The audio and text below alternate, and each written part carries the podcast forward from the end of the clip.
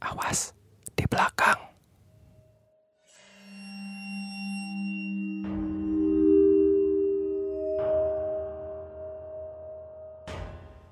Assalamualaikum warahmatullahi wabarakatuh. Selamat datang, selamat berjumpa kembali di podcast Awas di Belakang. Masih bareng gue Didit Yang akan bacain kisah-kisah serem Yang tingkatan seremnya bisa mencapai 99% Apa kabar Sobat Awas di mana pun kalian berada Yang ada di alam nyata maupun alam gaib Mudah-mudahan lo semua dalam keadaan baik ya Sehat selalu, sehat walafiat, dan selalu positif di mana pun lo berada. Seperti biasa, selamat beraktivitas buat lo yang dengerin podcast ini di pagi hari dan selamat beristirahat buat lo yang dengerin podcast ini di malam hari. Jangan lupa apa pun aktivitasnya, awali dengan berdoa. Urban Legend. Ya, di episode kali ini gua mau bacain cerita yang berkenaan dengan urban legend. Apa sih urban legend? Kalau menurut Wikipedia, urban legend merupakan mitos atau legenda kontemporer yang, seli, yang sering kali dipercaya secara luas sebagai sebuah kebenaran. Kebanyakan berkaitan dengan misteri, horor, ketakutan, humor, dan bahkan kisah moral. Nah, yang bakal gue bacain ceritanya di episode kali ini itu ya jelas lah cerita horor dan berkenaan dengan urban legend yang ada di kota Bandung.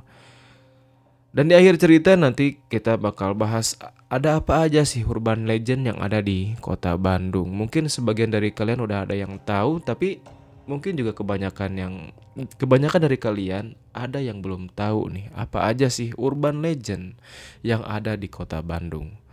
Jadi simak dulu ceritanya. Habis itu ya kita simak lah apa aja urban legend yang ada di kota Bandung.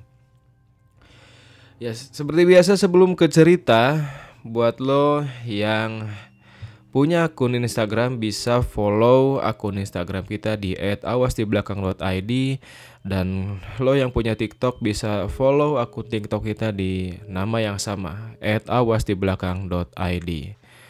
Atau misalkan mau kepoin gue GR ya Ya bisa uh, follow akun Instagram gue di @ai underscore Fermadi Dan buat kalian juga yang pengen kirim-kirim cerita Bisa kalian kirim ke Google Form yang udah linknya gue sertain di kolom deskripsi. Baik, kita langsung aja ke ceritanya. Pasang headsetnya, matiin lampunya, dan pastiin kalau kalian lagi dengerin cerita di podcast awas di belakang ini, kalian harus lagi sendirian.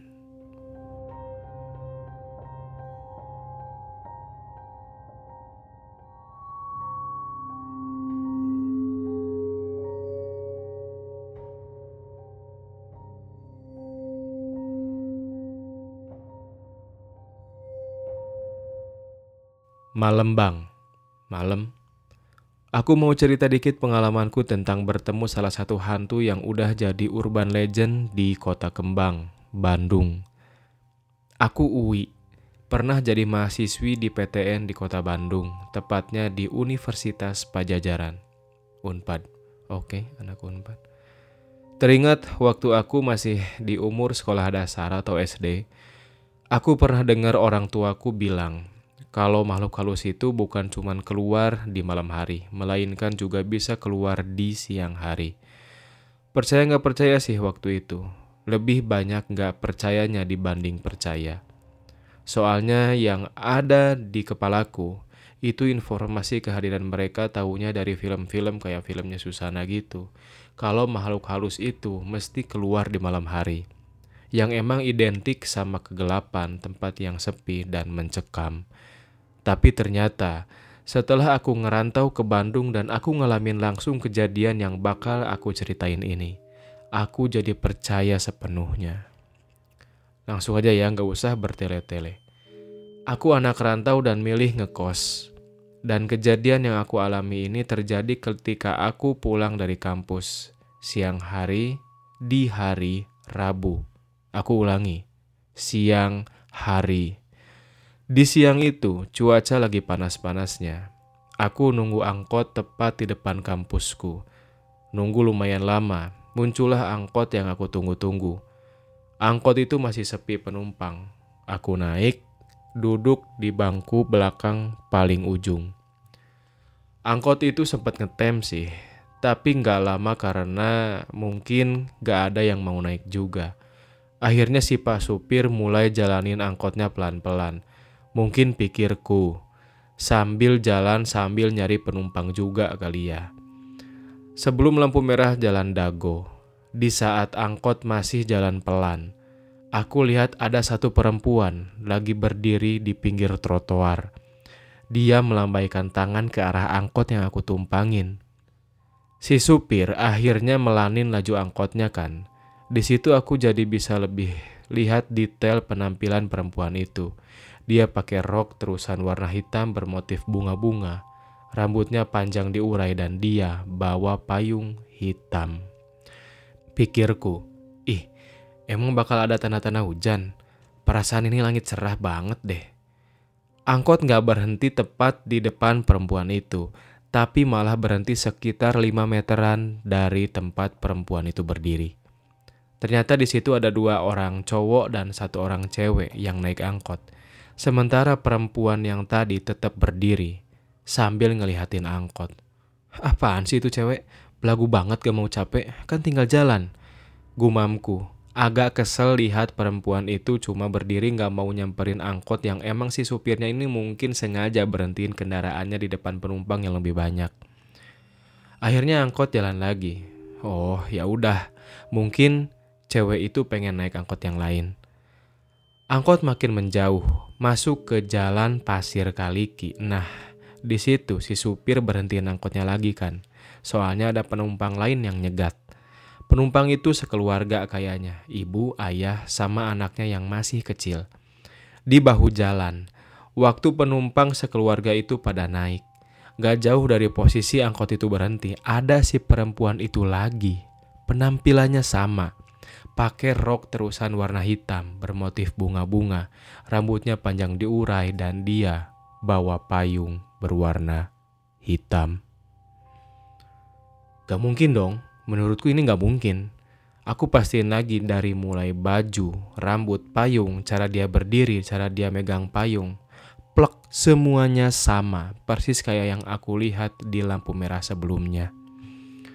Setelah angkot jalan lagi, aku jadi kepikiran. Karena dirasa sangat gak mungkin itu terjadi, aku akhirnya cuma bisa berkesimpulan kalau aku cuma halusinasi. Akhirnya tiba di tujuan akhir. Aku berhentiin angkot di jalan penjajaran. Aku turun, bayar, balik badan. Dan di sana, aku kaget minta ampun. Ternyata gak jauh dari sana. Jarak sekitar 3 meter dari tempat aku berdiri. Perempuan itu ada lagi. Dia sekarang gak berdiri menghadap ke jalanan, tapi justru langsung menghadap ke aku. Kita hadap-hadapan. Aku jadi membatu, diam, Cuma bisa lihat wajahnya secara jelas. Ekspresi perempuan berpayung hitam itu senyum sama aku. Dia kelihatannya masih seumuran denganku. Punya mata yang sipit. Hidungnya nggak mancung dan kulitnya itu pucat pasi. Langsung merinding dong aku. Kakiku kerasa berat banget buat dilangkahin. Kerasa juga aku mulai keringet dingin. Tapi syukurnya Aku seketika kesadar sama tepukan di bahuku, tepukan yang ternyata dari ibu-ibu yang tadi naik angkot bareng sama suami dan anaknya. Beliau tanya, Neng, kurang sehat? Kok pucet? Spontan aku jawab, Eh, enggak bu, saya, saya sehat kok. Sambil jalan menjauh. Aku gak mau lagi nengok ke arah perempuan berpayung hitam itu dari arah dekat. Baru setelah menjauh, sengaja aku lirik ke tempat semula perempuan itu berdiri dan dia udah gak ada. Langsung aku lari menuju ke kosan. Di kosan, gak peduli aku capek atau apa, aku langsung mandi, bersih-bersih intinya. Terus sholat. Supaya sosok perempuan berpayung hitam itu gak ngikutin aku sampai ke kosan. Aku pernah denger itu dari ibuku. Katanya kalau diikutin makhluk halus, kita mandi aja. Abis itu sholat segala macam. Intinya berdoa juga supaya dijauhin sama hal-hal yang begituan. Dan alhamdulillah, setelah aku bersih-bersih segala macam, perempuan itu nggak lagi nampakin wujudnya di hadapan aku sampai aku lulus dan balik lagi ke kampung halaman. Oh iya, for your information, Waktu kejadian itu, aku belum tahu kalau sosok perempuan yang aku lihat adalah sosok urban legend yang ada di Bandung. Aku baru tahu setelah beberapa tahun. Aku dengar cerita serupa di beberapa media. Bahkan, aku baca-baca pun, aku malah makin merinding karena setelah aku tahu kalau konon katanya perempuan itu bakal ngikutin terus orang-orang yang lihat langsung wajahnya. Dan seperti yang aku ceritain tadi, aku lihat langsung wajahnya itu. Selesai ceritaku bang, semoga ceritaku ini bisa diambil manfaatnya. Sehat-sehat juga sekeluarga dan dengar-dengar katanya abang tinggal di Bandung juga ya. Siapa tahu pengen ketemu perempuan berpayung hitam itu bang. Abang pasti tahu simpang dago. Eh, makasih udah bacain. Oke, terima kasih tawarannya. gak, gak minat. Tugasku cuman hanya membacakannya doang, Mbak eh Kak ya. Gak minat juga ketemu, apalagi kalau udah lihat wajahnya bisa ngikutin katanya ya. Uh, itu lebih gak minat lagi. Oke, kita bahas mungkin ya selain yang tadi, selain cerita urban legend yang tadi ada tujuh cerita urban legend paling seram di Bandung lainnya. Nih gue lihat di caping.co.id. Satu, langsung aja ada di SMA 5 Bandung. Di setiap kota pasti memiliki bangunan sekolah kuno yang udah lama berdiri dan menjadi saksi sejarah di kota tersebut. Inilah yang dialami oleh salah satu bangunan bangunan SMA terfavorit di Bandung yaitu SMA Negeri 5. Bangunan kuno yang udah ada sejak zaman penjajahan Belanda ini terletak di Jalan Belitung nomor 8 di bangunan SMA yang dikenal juga dengan nama gimana cara bacanya ya? Hooge Burger School. Ini pernah terjadi kasus bunuh diri. Konon katanya terdapat tiga legenda di bangunan SMA ini yang selalu terbuka. Banyak yang percaya bila memutari bangunan kuno ini sebanyak tiga kali, kamu akan melihat hantu wanita Belanda di jendela tersebut. Kayaknya ini udah pernah dipelemin ya? Iya kayaknya yang Noni Noni Belanda itu Nancy Nancy ya iya Nancy. Oh iya benar. Dipercaya hantu itu merupakan Nancy, seorang wanita Belanda. Bahkan saat malam harinya, di bangunan SMA 5 ini juga sering terdengar suara denting piano. Denting piano. musik klasik yang berasal dari ruang musik meskipun ruangan tersebut tidak ada orang. Wow. Kedua, Jalan Tongkeng, Stadion Siliwangi. Wah, Boboto pasti tahu nih. Banyak orang Indonesia percaya kalau sebuah tempat yang besar dan tidak ditempati di malam harinya merupakan tempat favorit hantu. Itulah yang dialami bangunan Stadion Siliwangi. Walaupun di siang harinya selalu ramai dan hing dengan hingar-bingar sepak bola, tapi berubah angker bila di malam hari. Tidak heran apabila penduduk Bandung tidak mau melintasi kawasan Jalan Tongkeng saat malam hari. Kenapa? Karena sering terjadi penampakan hantu di sekitar Stadion Siliwangi. Kabarnya, hantu prajurit Belanda tanpa kepala yang menunggang kuda yang sering muncul di sana. Tidak percaya? Jika ingin, jika ingin membuktikan, coba aja datangi daerah tersebut di atas jam 11 malam dan tiuplah peluit. Dipercaya hantu prajurit Belanda itu akan datang untuk mengambil kepalanya yang tergeletak di sekitar jalan. Silakan yang mau, boleh sekali lagi gue nggak minat. Ketiga, hantu garasi di antara Jalan Dago dan Dayang Sumbi. Di sepanjang antara Jalan Dago dan Jalan Dayang Sumbi ada sebuah rumah angker. Konon katanya, di salah satu rumah tersebut terdapat garasi tua yang pernah menyimpan mobil antik milik mantan pertama Indonesia. Mantan presiden pertama Indonesia yaitu Bapak Soekarno. Kabarnya garasi tersebut tidak pernah ditutup dan dibiarkan selalu terbuka. Karena kalau pintunya ditutup, akan terdengar suara ketukan dari dalam garasi dan bila dibuka tidak ada seorang pun di dalam sana. Selain itu, penduduk Bandung yang sering yang sering melewati kawasan tersebut sering melihat anak-anak berlarian dan tampak marah. Mungkin itu anak-anak yang lagi kuncing-kuncingan lagi ya. Keempat, hantu boneka di Jalan Siliwangi. Oh ini, ini sangat terkenal sekali ini. Tepat di jalan Babakan Siliwangi terdapat sebuah pohon angker.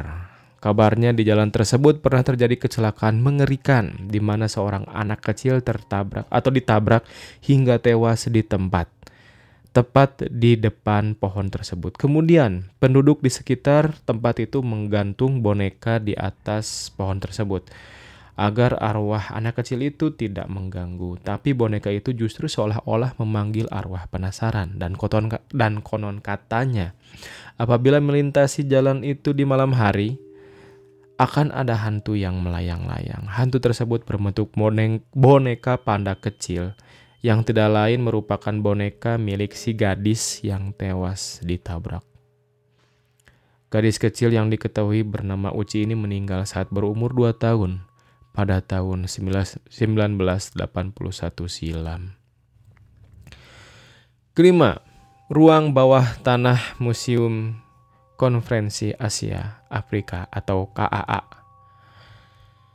Gedung Merdeka yang saat ini sudah menjadi museum ini merupakan saksi sejarah Konferensi Asia Afrika atau KAA di Bandung. Konon katanya, gedung yang sering menjadi tujuan wisata favorit di Bandung ini sering terjadi hal ganjil saat pengunjung berfoto di dalam gedung. Banyak banyak pengunjung mengaku melihat penampakan sosok misterius.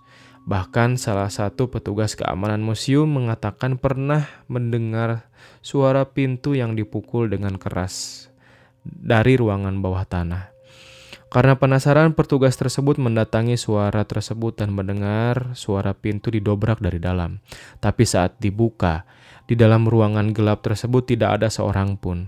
Tidak cuma itu saja, pengunjung juga pernah tidak sengaja memotret penampakan hantu, hantu wanita dengan kamera. Kabarnya, Dulu Museum KA merupakan tempat berkumpulnya orang-orang Eropa. Sebagai gedung tua, ada peringatan jangan asal foto di, di gedung tersebut. Iya, jadi sekarang hantu-hantunya pada keluar tuh. jadi gak jauh di sana, dari sana tuh banyak banyak pemuda pemuda-pemuda cosplay jadi kuntilanak, kuntilanak kepala tiga, jadi pocong. Kalau nggak salah ada yang pocong pakai pakai batik deh jadi yang denger episode ini bisa main lah ke ke sana dan kalau kalian yang mampir ke Bandung bisa main ke alun-alun dari alun-alun ya. Itu banyak dan banyak juga yang dan banyak juga yang foto ya, sama sosok-sosok yang berkeliaran di pinggir jalan itu. itu seru sih. Oke. Okay. Yang keenam, gedung ITB bukan hal yang luar biasa jika mendengar cerita mengerikan di gedung kampus. Selain karena sepi di malam hari, gedung universitas, khususnya di Indonesia, banyak yang merupakan bangunan tua. Itu juga dialami gedung ITB. Gedung ITB yang berdiri sejak 3 Juli 1920 yang artinya sudah oh sekarang berarti 102 tahun 2002 Iya, gedung tua ini dibangun. Tidak heran kalau para mahasiswa ITB sudah terbiasa dengan banyaknya penampakan hantu di sana. Ada beberapa ada beberapa kisah yang ceritanya yang diceritakan turun temurun oleh para mahasiswa ITB. Salah satunya sosok hantu muka rata di aula barat dan di gedung PAU juga sering menjadi tempat penampakan hantu yang terjatuh secara tiba-tiba dari lantai dari lantai atas gedung. Tidak cuma itu, di lab-lab gedung mesin juga sering muncul keanehan, misalnya tiba-tiba mesin menyala sendiri. Padahal tidak ada seorang pun di sana. Ketujuh, patung H.C. Verbrak di Taman Maluku. H.C. Verbrak adalah seorang pastor Belanda yang pernah bertugas di Aceh pada tahun 1870 dan di beberapa daerah di Indonesia lainnya. Konon katanya, tepat di bawah monumennya itu merupakan tempat pusara dirinya berdasarkan cerita penduduk setempat. Patung pastor yang tewas karena kecelakaan pesawat ini bisa bergerak sendiri. Itu dia beberapa urban legend dan salah satu tambahannya mungkin yang tadi yang hantu wanita berpayung hitam di dagu. Oke, mungkin sekian dulu di episode kali ini. Terima kasih buat kalian yang setia mendengarkan cerita-cerita di podcast Awas di belakang. Semoga kalian sehat selalu. Gue Didit pamit. Sampai ketemu di episode-episode selanjutnya. Assalamualaikum warahmatullahi wabarakatuh. Awas di belakang.